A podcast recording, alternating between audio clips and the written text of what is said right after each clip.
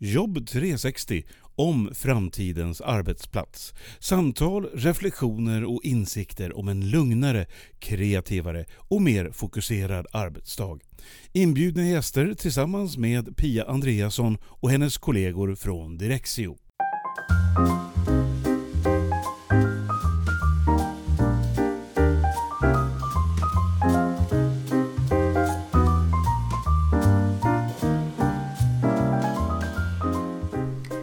Nu ska jag snart träffa Aram Sedig, en av de personer som förändringsleder i kontorsprojekt. Det som gör Aram speciell är att han har en bakgrund som forskare inom kontor och även är psykolog. Så jag tänkte fråga honom lite grann hur han använder de kunskaperna och erfarenheterna i sitt eh, jobb som förändringsledare. Så det ska bli jättespännande att höra vad han har att berätta.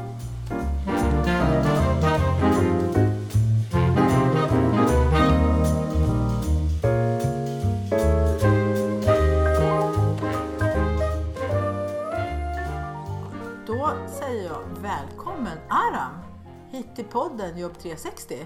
Ja men tack Pia, känns kul att vara här. Ja, precis.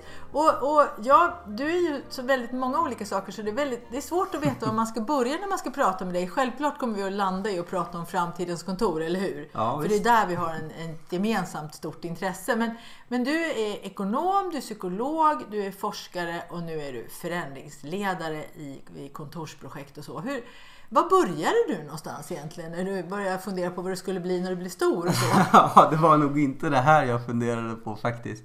Utan eh, jag halkade ju väl lite in på det här. Jag läste på psykologprogrammet och sen så träffade jag en eh, psykolog på företagshälsovården till Volvo som hade eh, lite tankar kring eh, eh kontorsmiljön och, så och ville att jag, att jag skulle titta lite närmare på det när jag skrev mitt examensarbete. Så då gjorde jag det och insåg då att det var ganska lite forskning inom det området. Så då flyttade jag till Stockholm, började jobba som konsult ett par år och sen så började jag knacka dörr hos professorer helt enkelt och pratade med dem och sa men jag har en idé, jag vill göra det här, jag vill fokusera på eh, arbetsmiljöer, kontor och arbetssätt. Och kontrade de att säga, ja men du kan väl komma och eh, forska lite i vår grupp och så får vi se vart det leder. Men då var jag inte så intresserad av det. Men till slut så var det då professor Hugo Westerlund då, som tog mig in under sina vingar och sen så fick vi medel och så började jag forska kring det. Och sen så under forskningen så blev det föreläsningar, workshops och efter disputationen så blev det då helhjärtat in och jobba med företag i deras förändringsprocesser. Och just nu så är det då väldigt mycket fokus på framtagning av arbetsplatskoncept. Vad behöver vi? Hur ska vi arbeta? Och sen så mynnade du i, oftast in i då projekt och förändringsledning kopplat till de här projekten. Ja, Så det var min resa. Det var din resa. Lite snirkligt, lite hit och dit. Men jag gillar det där att du knackade dörr. Du hade liksom en idé som du ville genomföra. Ja. Och det var väl så när du började där att det var inte särskilt mycket forskat på det här med kontorsmiljö. Och kontorsmiljöerna då när du började var väl ganska statiska. Det var mycket egna skrivbord, en hel del egna rum och sen lite landskap och så. Mm. Och du forskade ju då på hur människor upplever det här kontoret. Jag var ju lyssna på dig där i början när du just skulle disputera och, och Just du berättade lite spännande saker. Så var det någonting där som du tyckte var så här, nej men är det på det här viset? Det hade jag ingen aning om. Det var något med hur, hur människor interagerar med varann. Ja, det som jag tycker är spännande med det här området det är liksom de, de stora interaktionsmönstren. Alltså så här hur arbetsplatsen i sin helhet fungerar. Och eh, tittar man på forskningen så tycker jag liksom att det är ju det som man eh, nästan måste dra slutsatsen för att det kommer mer och mer studier men där ser vi också fortfarande att rönen och resultaten är ganska spretiga. Och jag tror att anledningen till det beror på att inte så mycket utav eh, utfallen, hur medarbetare mår och presterar, som beror på olika saker i arbetsmiljön. Dels den fysiska utformningen men också framförallt den psykosociala miljön som har en väldigt eh, stor inverkan kring eh, prestation och hälsa och trivsel. Så det är helheten som man måste någonstans eh, fokusera på. Ja, du kom ihåg faktiskt vad det var som jag tyckte var så spännande. Därför att du konstaterade att i, i de här öppna kontorsmiljöerna så är det de människor som är mest sociala som tycker att det är jobbigast. Och de som är lite mindre sociala och lite så här eh, inåtvända och inte behöver heja på alla till höger och vänster. De tycker att det ändå är ganska okej. Okay. Och du tänkte, vad, vad kommer det här sig? Men sen grundade du vidare på det och kom på att ja, om man är en person som tycker att det är intressant att interagera med andra människor och säga hej och prata en liten stund och så vidare. Det är klart, är man inte öppet kontorslandskap så finns det många fler som man behöver göra detta med. Ja. Medan om man är en person som kan fokusera och köra eget race så kanske man mm. tycker att det behöver inte göra det. Och mm. det där var ju lite oväntat för att alla hade väl dittills trott att öppna landskap är bra för de som är sociala. Ja, alltså vi hade ju en del teorier kring det här med personligheter och hur det inverkade. Men det huvudbudskapet i den studien var egentligen att de här personlighetsegenskaperna som finns representerade i Big Five, alltså extroversion, neuroticism, eh, openness, agreeableness, samvetsgrannhet att de har egentligen eh, inte någon större inverkan i hur folk mår och presterar. Utan det är andra aspekter som är mer, mer centrala. Jag vet att det är många andra som pratar om just det här att personlighetsegenskaperna är avgörande. Men jag tror att det som förklarar effekterna i olika kontorsmiljöer är framförallt vad det är för typ av arbetsuppgifter som medarbetarna har. Det förklarar betydligt större delen av effekten än vad personligheterna har ja, så de resultaten, det finns egentligen inga, inga studier som jag har sett som visar att en viss typ av personlighet skulle eh, vara trivas bättre eller prestera bättre i någon större utsträckning än någon annan i, i olika kontorsmiljöer. Utan jag tror det fokuset ska vara på vad det är för typ av arbetsuppgifter man utför. Ja, det låter ju jättebra faktiskt. För man hör ju ofta det argumentet att vi kan inte ha den här, den här miljön för det passar inte den och den sortens människor. Mm. Och då blir det lite tråkigt för dem och då måste vi ha det mm. som vi har det nu. Eh, och då tänker man ju det att som vi har det nu passar ju då de här människorna, vilket ju inte heller behöver stämma. För du säger nu att det handlar om vad människan ska göra helt enkelt. Mm. Hur mycket fokus behöver man? Hur många människor behöver man interagera med? I vilken mån mm. behöver man ha tillgång till, till vissa uppgifter? Och, och ett visst flöde, kanske både internt och externt för att kunna lösa sina uppgifter. Och det är där prestationen kommer. Funkar de här flödena, de här interaktionerna, då blir det bra. Och funkar de inte, då blir det stress oavsett vilken person vi pratar om, vilken personlighet. Mm. Ja men absolut, ja, arbetets natur har, är betydligt viktigare. Det, jag menar i den, i den studien eh, som jag själv genomförde, då hittade vi lite effekter på, jag tror det var vänlighet, att man kunde se vissa resultat. Men jag själv har liksom utifrån den studien, även om vi hittade några signifikanta resultat, så drar jag ju inga större slutsatser kring det. För att de effekterna var så små och resultaten var väldigt spretiga. Och innan någon annan har replikerat det och visat att jo, men vi, kan åt, vi kan få samma effekter även om vi tittar på andra populationer och, och urval. Så, så tror jag att man ska vara väldigt försiktig. Det är lite tråkigt för att det finns så mycket teorier kring det här. Att jo men en extrovert person trivs i, i den här typen av miljöer. Men när man tittar på resultaten om hur de presterar och hur de mår så har i alla fall jag själv inte hittat några eh, resultat kring det som skulle liksom visa att extroversion har en sån avgörande faktor. Och jag har inte heller läst någon annan vetenskaplig studie som visade som att, jo, men att de faktiskt presterar bättre eller trivs mer. Eh, så. Mm. Ja, men det låter ju bra därför att då kan man ju i lugn och ro fokusera på det arbete som ska utföras när man funderar på om man ska göra en sån här förändring. Och det mm. låter ju faktiskt bra därför att om man nu skulle fokusera på personlighetstypen och så efter fem år så har man bytt ut halva styrkan och så är det helt andra personlighetstyper. Då skulle man behöva ändra på allting igen. Istället om man fokuserar på arbetsuppgifterna som ska utföras och vad mm. de kräver så kan man faktiskt eh, tänka sig att man har den här vanliga personalomsättningen och man kan fortfarande ha ett bestående och bra arbetssätt. Ja men absolut, definitivt. Om, om det är det man har tittat på från början. Okej, eh, nu är du förändringsledare då och hjälper människor med det här. Men hur kommer det sig att det spåret var så intressant för dig? Vad var det som du tycker hugger på där? Men jag tror att anledningen till att jag gick över till det mer praktiska var ju att någonstans att bryta ner det teoretiska kunskapen till någonting, till, alltså realisera det, att kunna använda det. Och jag menar många utav de här projekten som är, är så avhängiga utav små, små beslut där man står inför en vägval. Därför så tyckte jag att det var mer spännande att få också gå in och stötta de olika projekten och driva, driva de här projekten. Och det har med allt att göra. Jag menar, eh, många pratar om förändringsledning idag men grunden i all förändringsledning när det gäller den här typen av förändringar har det med den fysiska arbetsmiljön att göra och den tekniska arbetsmiljön att göra. Om inte de grundläggande förutsättningarna kring de här båda aspekterna inte finns på plats om man har tagit beslut som leder till att trösklarna till rätt beteende rent fysiskt och rent digitalt är stora, är höga. Då kan vi hålla på och jobba oss gråhåriga med förändringsledning. Vi kommer ändå inte få till rätt beteende. Utan grunden ligger i hur vi utformar kontoret, att det är rätt dimensionerat och utformningen är naturlig, att det, att det triggar rätt beteenden. Och när man väl har gjort det så ska man börja fokusera på beteendeförändringen. Inte innan. Ja, det pratar ju några tidigare personer här i podden om. Marco Kekki pratar ju om eh, hur man designar de här kontoren. Till exempel då att ska man ha en sån här tyst yta så ska den helst ligga i en återvändsgränd så att det blir väldigt naturligt att uppsöka den då när man känner att man behöver jobba på det viset. Och senast jag lyssnade på Jonas Hurtig Grabe som är förändringsledare på konferensen Workspace så berättade han ju om det här med dimensionering, att det finns numera lite nyckeltal faktiskt att utgå ifrån som man kan starta med och och se om det verkar hänga ihop också på den här arbetsplatsen i och med att det finns så mycket erfarenhet att gå på vid det här laget.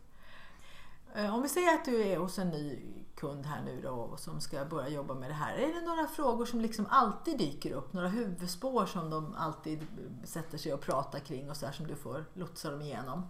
Jo men alltså de första, eh, oavsett vad det är för typ av arbetssätt eh, som man eh, längre fram så att säga landar i. Så är ju, så är ju de, mer, de här mer flexibiliteten är ju alltid någonting som man diskuterar. Eh, och eh, man är ju nyfiken på Eh, dels eh, vad man kan tänka sig för effekter efteråt och, och sen så undrar man då också men hur man ska driva de här projekten och vad man kan förvänta sig under själva resans gång. Alltså var är vi idag och vad är det för eh, typ av arbetssätt som skulle passa oss? Och också då liksom, vad skulle det krävas då om man ska ställa om och göra en längre resa? Och då är frågan också hur genomför vi en sån förändring så att det, så att det, det blir bra. Mm. Mm. Så, det är de, så det är de grundläggande frågorna som alltid kommer upp. Ja, du måste ju genast höra att det måste vara jättesvårt för dig att svara på frågan vad kommer att hända om vi gör det här på mm. sikt? Jo, alltså jag jobbar ju, jag är väldigt datanära och eh, jag försöker ju att inte spekulera eller att prata utifrån generella termer utan här börjar man ju oftast med en ordentlig kartläggning med en enkätundersökning och sen så kör vi ett, eh, ett spel egentligen där man, där man genomför lite olika miljöval och sen så till det så finns det lite kopplade lite moduler. Och det handlar ju om att samla in underlag som kommer nerifrån organisationen, som kommer från eh, medarbetarna för att man får en bild av vad är det för verksamhet eh, som, som pågår och hur arbetet idag genomförs. Och sen så kan ju målbilden kan ju ligga ganska nära det nuvarande arbetssättet. Det kan finnas så att man jobbar ganska digitalt, att man är redan väldigt mobilt och att man har en flexibilitet i sitt arbetssätt. Eller så kan det vara så att det kräver en längre resa för organisationen. Men med det underlaget så eh, har man en betydligt bättre förutsättningar att skapa en målbild och också skapa en förståelse kring ja, men vad är det för typ av insatser som vi behöver göra för att få till de tilltänkta och de önskvärda beteendena. Ja, det är lite grann måste det ju vara att man får gå på det som man känner till men också lite grann om man gissar våran personal, hur kommer de att reagera på det här och så och göra olika antaganden.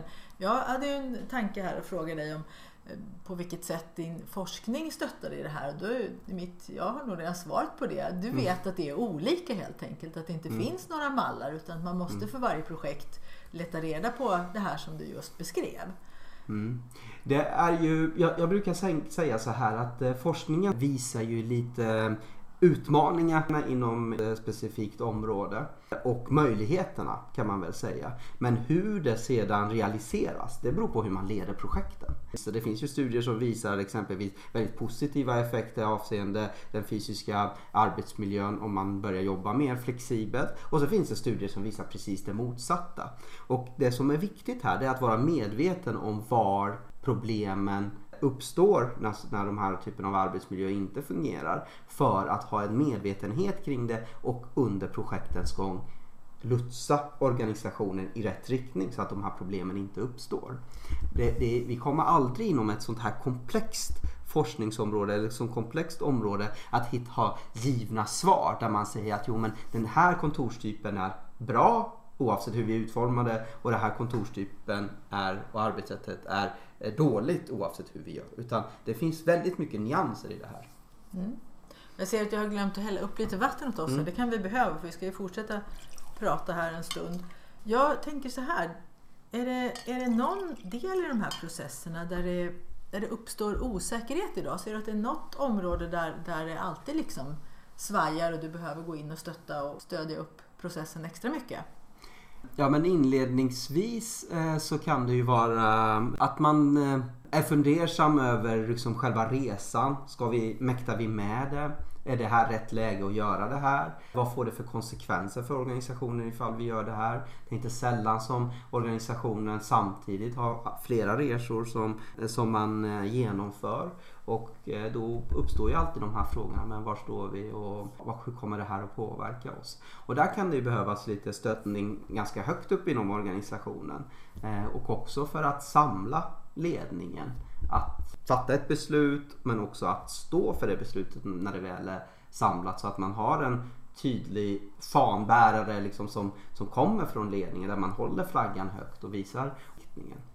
Eh, så. Ja, där är det ju flera föreningsledare som har betonat just det att eh, mm. ledningen måste veta vad de, vad de vill, varför de gör det här och att de är väldigt tydliga till resten av organisationen. Mm.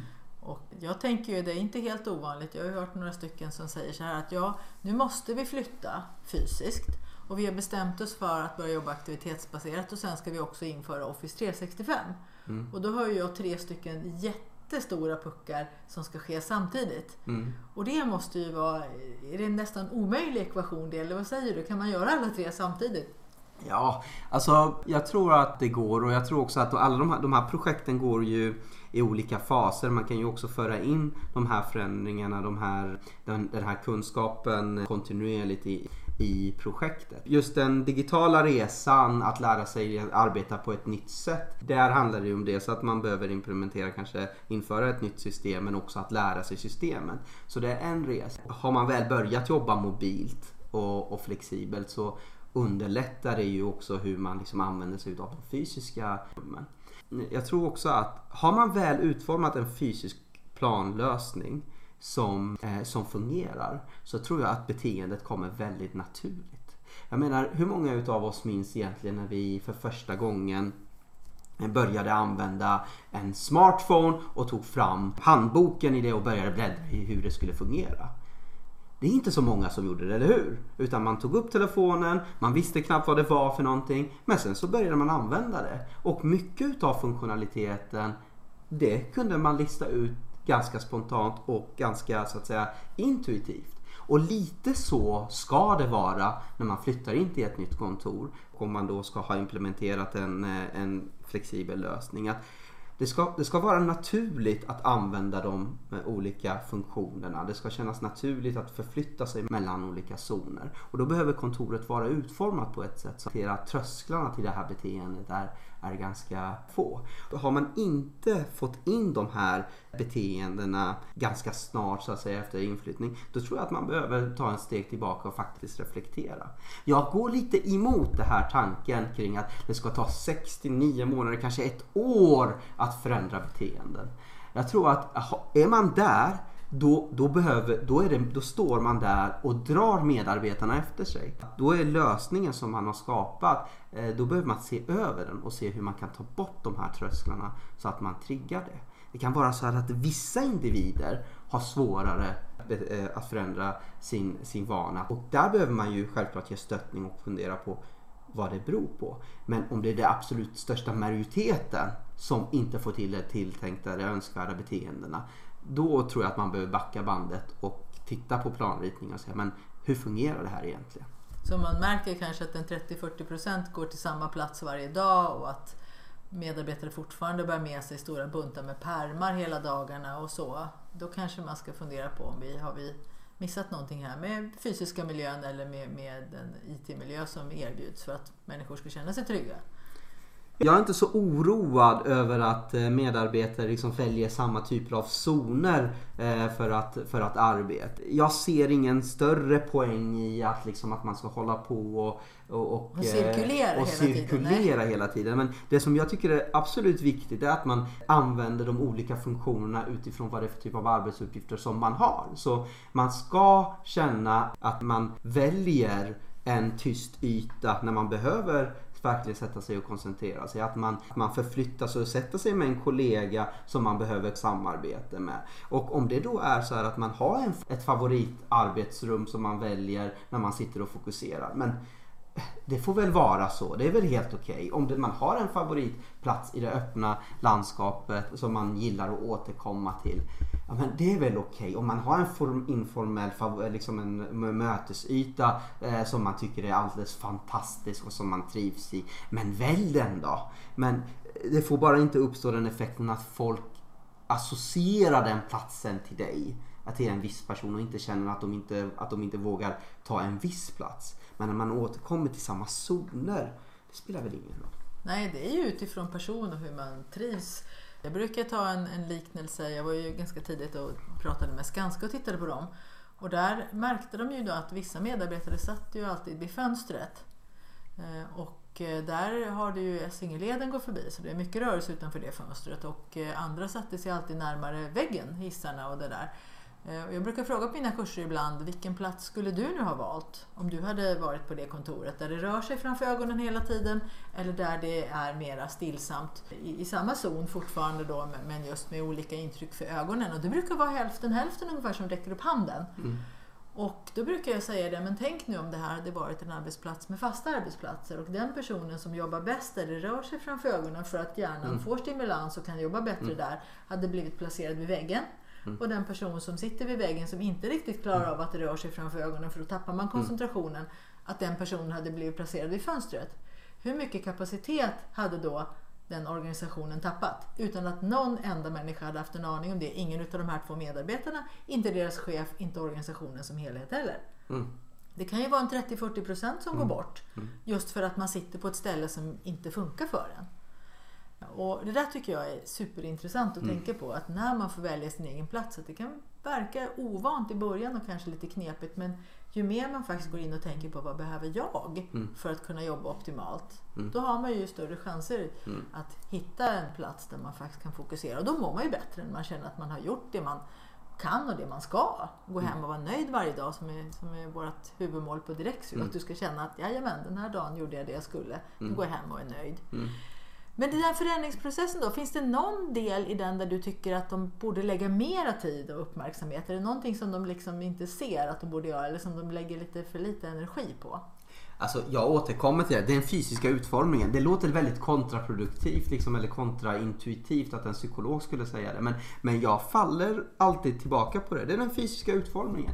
En, lyckas man skapa den fysiska arbetsmiljön på ett bra sätt då, då, triggar det, då ska det trigga beteendet så att man får till de önskade effekterna. Och sen så under resans gång så tror jag att det är viktigt att hålla fast vid konceptet. Att ha en eh, tydlig linje hur det ska vara och hur det ska fungera. Och, och informera om det och skapa förutsägbarhet. Och här tror jag också att när man, väl, när man håller på att ta fram konceptet så finns det ibland en tanke att det ska vara lika för alla. Att alla ska få samma förutsättningar. Och den ifrågasätter jag också i, ibland. För att en arbetsmiljö som fungerar ska fungera utifrån, som man skapar ska man skapa utifrån vad är det för aktiviteter som medarbetarna har. Och då ska kontoret se olika ut beroende på vad det är för enheter eh, och funktioner som verkar i de olika områdena. Eh, jag brukar dra det som ett exempel att ja, men, ett aktivitetsbaserat kontor för ekonomer som sitter och hanterar eh, känslig information ser betydligt annorlunda ut än ett eh, aktivitetsbaserat kontor för en marknadsavdelning som behöver interagera mer. Placerar man ekonomer i ett, aktivitets, ett aktivitetsbaserat kontor som har utvecklats för en marknadsavdelning så kommer de känna att det är för, eh, för öppet och att eh, behovet behoven av sekretessen inte möts. Medan om man placerar en marknadsavdelning på ett kontor man tagit fram för ekonomer då kommer de känna att det är för mycket barriärer och att det inte fungerar. Så jag tycker, tror också att man ska liksom tänka på men vad är det för typ av eh, vad är det för typ av arbetsuppgifter som ska pågå? Att man också utifrån det skapar en arbetsmiljö som matcha dem. Och då förstår ni ju också liksom att då blir det ju hemvister som fungerar eh, eh, som är utformade på olika sätt. Och det är, tycker jag, det är fine. Vi måste ändå utgå från vad det är för verksamhet som ska utgå. Vi måste, och vi måste stötta medarbetarna i de aktiviteterna som de ska utforma. Och då kan man inte ha en likadan lösning för alla. Det måste variera. Så man kan inte gå in på ett kontor och tycka det här ser jättebra ut, vi kör copy-paste här och gör likadant hos oss. Nej, det tror jag, det tror jag att vi med många har märkt att det, att det inte fungerar. Men det är, är det svårt, som jag har hört andra förvaltningsledare säga, att det är väldigt svårt att skilja på de verkliga behoven i en viss verksamhet utifrån arbetsuppgifterna och de behov som medarbetarna säger att de har. Hur, hur tacklar du det? Det är ju hur man genomför själva, själva analysen och det är ju en medvetenhet om organisationsteorier eh, liksom, och hur, hur olika delar av verksamheten fungerar. Någonstans så ligger ju basen för alla de här typerna av förändringar tycker jag är det väldigt viktigt att utgå från medarbetarnas eh, svar och deras reflektioner och, och sådär.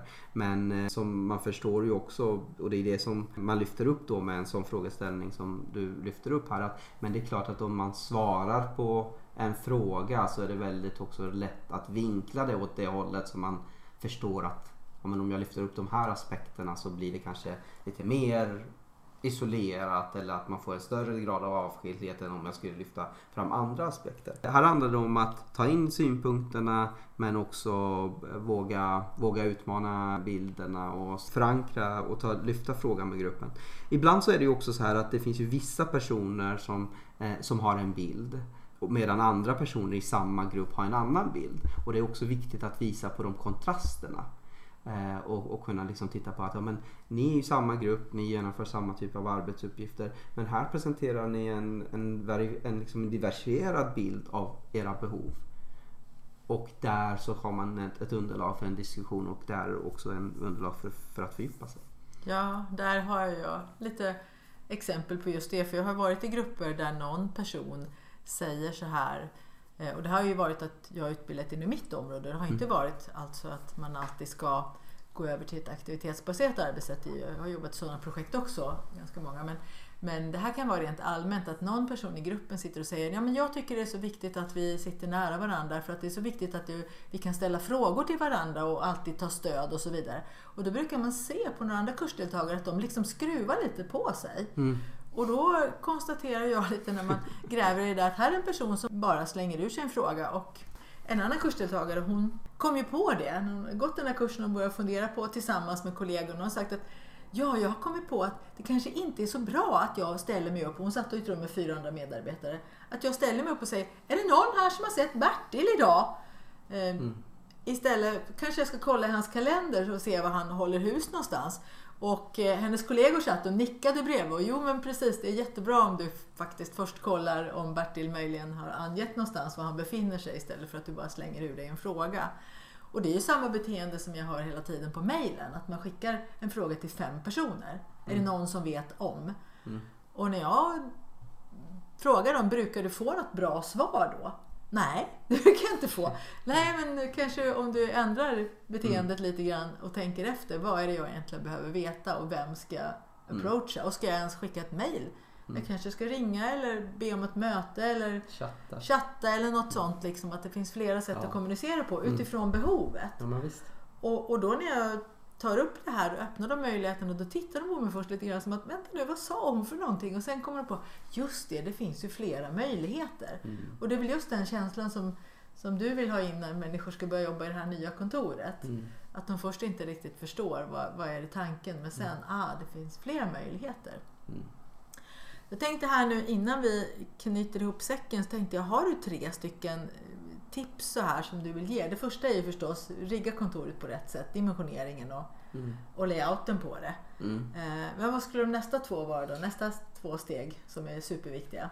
Eh, sen så skulle jag tänka, alltså våga tänka annorlunda för olika delar utav verksamheten. Jag tror inte, eh, det tror jag att kan vara eh, centralt. För att olika delar utav verksamheten kan ha olika resor framför sig. Och det beror också väldigt mycket på vad organisationen faktiskt är beredd att satsa på de olika resorna. Här behöver man titta på delarna och se liksom, men vad, vad är målbilden för de, för de olika enheterna och avdelningarna. Och sen så, så tror jag också att ska man gå över till eh, mer flexibla arbetssätt så, eh, så behöver man jobba med mobiliteten. Jag har en så här tumregel som jag själv utgår ifrån och det är en, en så här 30 sekunders regeln. Att sitter jag och arbetar på ett ställe på en yta på kontoret och ska förflytta mig till en annan. De ytorna som jag har att välja mellan är ytor som ligger inom en 30 sekunders radie från mig. Att jag ska kunna ta bort, eh, koppla ur datorn, ta med mig den och, och, eventuellt om jag har några andra grejer. Men gå till, till den andra ytan, koppla upp mig och få igång skärmarna om det är det jag behöver. Och det ska kunna ske ungefär på 30 sekunder. Och det som är bortom den här radien, då är det egentligen ganska svårt att trygga de beteendena. människor förflyttar sig inte på det sättet så spontant till andra ytorna. Det hjälper mig väldigt mycket när jag sitter och planerar och tänker på var man ska placera de olika funktionerna. Att, att, man, att man tänker sådär, hur tekniken fungerar och så för att kommer vi trigga rätt beteende i de olika delarna av eh, platsen. Och då är det så här att för vissa delar av verksamheten så kanske det inte är så. Att det är för mycket prylar eller man behöver dra igång så många olika program om man förflyttar sig. Att man kommer inte igång snabbt. Man kommer inte igång på 30 sekunder, man kommer knappt igång på två minuter eller tre minuter. Och då tror jag att det är också bra att man då har med sig det. Och då kanske de här aktiviteterna ska man då tänka att ja, men det är mer en fast plats för de aktiviteterna.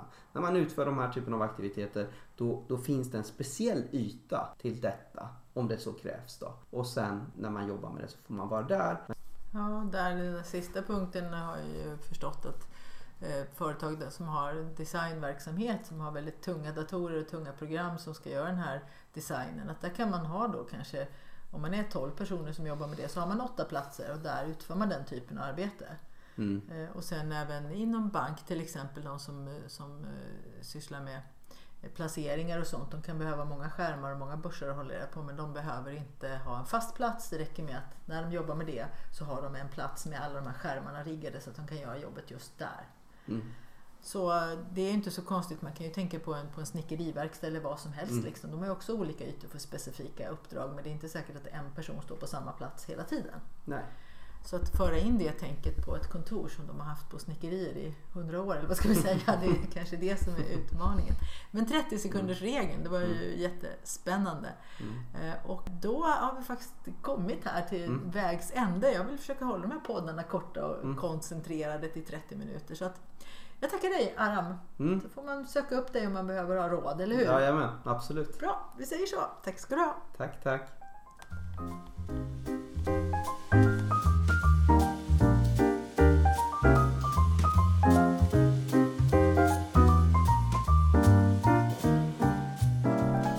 Var verkligen intressant att höra Aron berätta om sin syn på kontorsprojekt och förändringsledning. Och det jag tyckte var särskilt intressant, det var ju det här med 30 sekunders regeln. Att man ska kunna förflytta sig till alla platser man behöver på kontoret, från den ena platsen till den andra på mindre än 30 sekunder. För då kan man få det här naturliga flödet och att det faktiskt blir enkelt att välja den plats som bäst stödjer det man har tänkt att göra. Så det är vad jag plockar med mig från Arams berättelser och det han delade här, 30 sekunders regeln. Vad plockade du med dig?